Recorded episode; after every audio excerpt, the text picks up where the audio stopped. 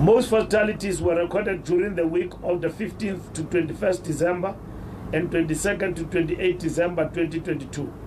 Fatalities recorded over this period were 327 and 316 respectively.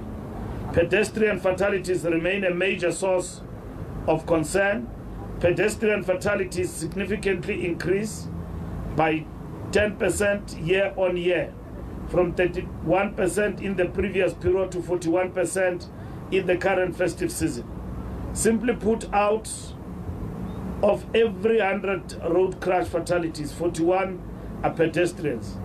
In Gauteng and Western Cape, pedestrian fatalities constitute 54% of all fatalities, implying that, or every 100 people that died from a road crash, 54 were pedestrians. For this season, passenger fatalities recorded a 7% decline, with 37% recorded in the current uh, uh, period, compared to 38% in the previous festive season. Our message to buckle up must continue to resonate with motorists as a life-saving. We have been unbuckled.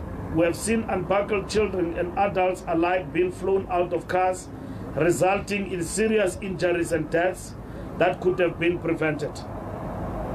Driver fatalities uh, declined from 28% in the previous period to 27% in this festive uh, season. Cyclist fatalities also declined from 3% in the previous period to 2% in the current festive season.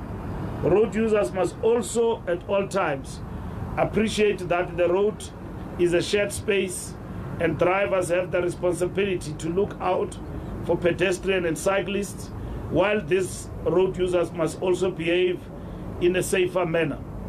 In the 2022 festive uh, period, most crashes occurred between 17 hours and 22 hours, particularly on Friday, Saturday, and Sunday.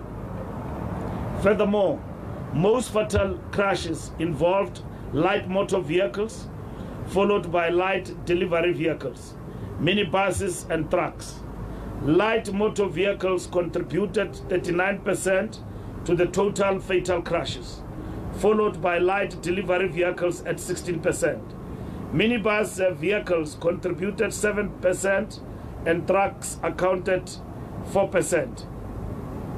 Law enforcement interventions have been critical during this festive season, and my gratitude goes to each officer for their tireless efforts to curb road carnage on our roads.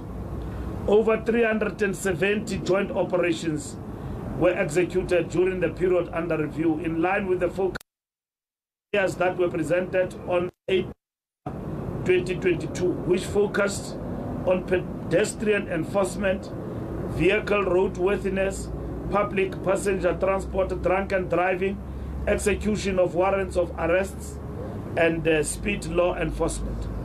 On this note, we welcome the reintroduction and implementation of stat static and mobile speed camera operations within the metros in the promotion of road safety. 474 um, roadblocks were effected during this period, with over 1.3 million vehicles stopped and checked. Over 255,000 notices were issued during this period. Orison Sweat, Madden Once Road, there is no medicine like hope no incentive so great and no tonic so powerful as expectation of something better tomorrow. We may despair at the magnitude of the road safety challenger, but we are making significant inroads that usher in hope that tomorrow will be better than today, and today is undoubtedly better than yesterday. We are on track towards the realization of the 2030 United Nations Road Safety Target. It is our collective responsibility to ensure that road accident fund is more viable by ensuring significant reduction of crashes and fatalities on our roads. The 2022-2023 festive season recorded significant gains in our efforts to arrest road fatalities. The period under review saw total of 1,451 people losing their lives on our roads.